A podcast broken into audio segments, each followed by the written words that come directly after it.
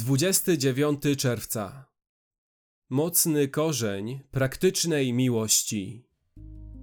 My wiemy, że przeszliśmy ze śmierci do żywota, bo miłujemy braci. Pierwszy list Jana 3:14. Tak więc miłość jest dowodem tego, że jesteśmy narodzeni na nowo, że jesteśmy chrześcijanami, że jesteśmy zbawieni.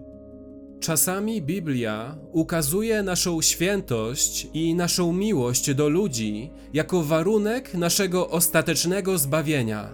Innymi słowy, jeśli nie jesteśmy święci i nie kochamy, nie będziemy zbawieni na sądzie ostatecznym. Na przykład Hebrajczyków 12, 14, Galacjan 5, 21, 1 Koryntian 6, 10. Nie oznacza to, że uczynki miłości są sposobem, aby pojednać się z Bogiem. Nie, Biblia wielokrotnie i jasno mówi to, co Efezjan 2, 8 i 9. Łaską zbawieni jesteście przez wiarę.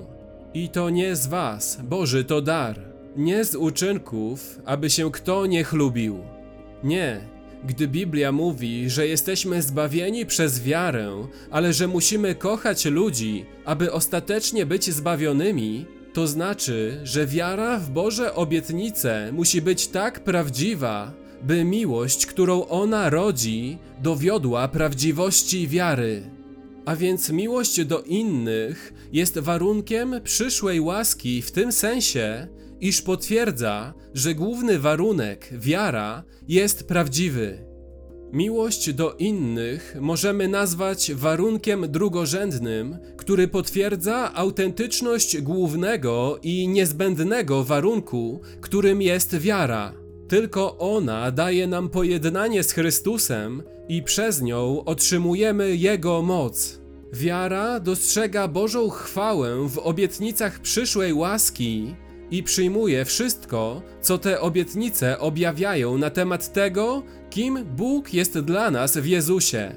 To duchowe spojrzenie na Bożą chwałę i nasze zachwycenie się nią jest dla nas potwierdzeniem i dowodem na to, że Bóg powołał nas, abyśmy byli uczestnikami Jego łaski. Ten dowód sprawia, że możemy przyjąć Bożą obietnicę jako naszą własną. A to poleganie na obietnicy uzdalnia nas do miłości. To z kolei potwierdza, że nasza wiara jest prawdziwa. Świat rozpaczliwie potrzebuje wiary, która łączy w sobie dwie rzeczy: zdumiewający widok niezachwianej Bożej prawdy oraz całkowicie praktyczną, całodobową moc do wprowadzania wyzwalających zmian w życiu. Ja też tego chcę. Dlatego właśnie jestem chrześcijaninem. Istnieje wspaniały Bóg łaski, który powiększa swoje własne nieskończone piękno i samowystarczalność poprzez wypełnianie obietnic względem bezbronnych ludzi, którzy mu ufają. I doceniając tego Boga, czerpiemy moc, która nie pozostawia żadnego zakamarka życia nietkniętym. Uzdalnia nas ona do okazywania miłości w najbardziej praktyczny sposób.